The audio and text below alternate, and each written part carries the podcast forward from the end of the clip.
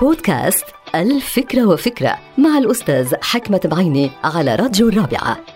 من المعروف أن الأيام الصعبة أو الأيام القاهرة تزول في نهاية الأمر أو كما يقول المثل الشعبي ما في شدة بتدوم وهناك فرق بين الشدة والشديد. الشدة هي أمر من الصعب جدا أنه نقدر نتحمله أحيانا. الشدة تزول ولو بعد حين. أما الشديد هو الإنسان القوي والمتمكن. هو القادر على الاستمرار والعمل ومواجهة المشاكل لأنه شديد البأس قوي البنية وواسع المعرفة. الشديد بيتغلب على كل شدة في نهاية الأمر. أعرف أشخاص ينهارون أمام الشدائد والمصاعب.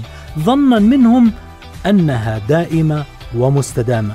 الحقيقة الحقيقة أن عناصر الاستدامة غير موجودة في بنية المشاكل والمصاعب والشدائد. التجربة الإنسانية أثبتت أن البشرية استطاعت التغلب على الحروب والأوبئة والزلازل والمصائب بقوة العزيمة والصمود وحب البقاء.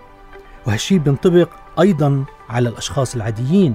لازم الإنسان يكون قوي مؤمن قادر جسديا وفكريا لمواجهة الصعاب. ومن أهم ومن أهم عوامل الصمود هي المعرفة. نعم المعرفة العلمية والثقافية المعرفة بالتجارب السابقة للبشرية المعرفة بعناصر الشدة ومقومات الشدة والمعرفة أيضا بعوامل البقاء وأهمية البقاء. كل هالأنواع من المعرفة بتساعد الإنسان على رؤية الأمور كما هي من دون خوف أو توتر أو أوهام. لا تخافوا من الشدة بل تجنبوها. إذا ما استطعتم لا تخافوا من الشدة بل استعدوا لكل شيء بأمل وعزيمة وتصميم على البقاء من أجل الحياة. انتهت الفكرة. هذه الحلقة مقتبسة من كتاب الفكرة وفكرة.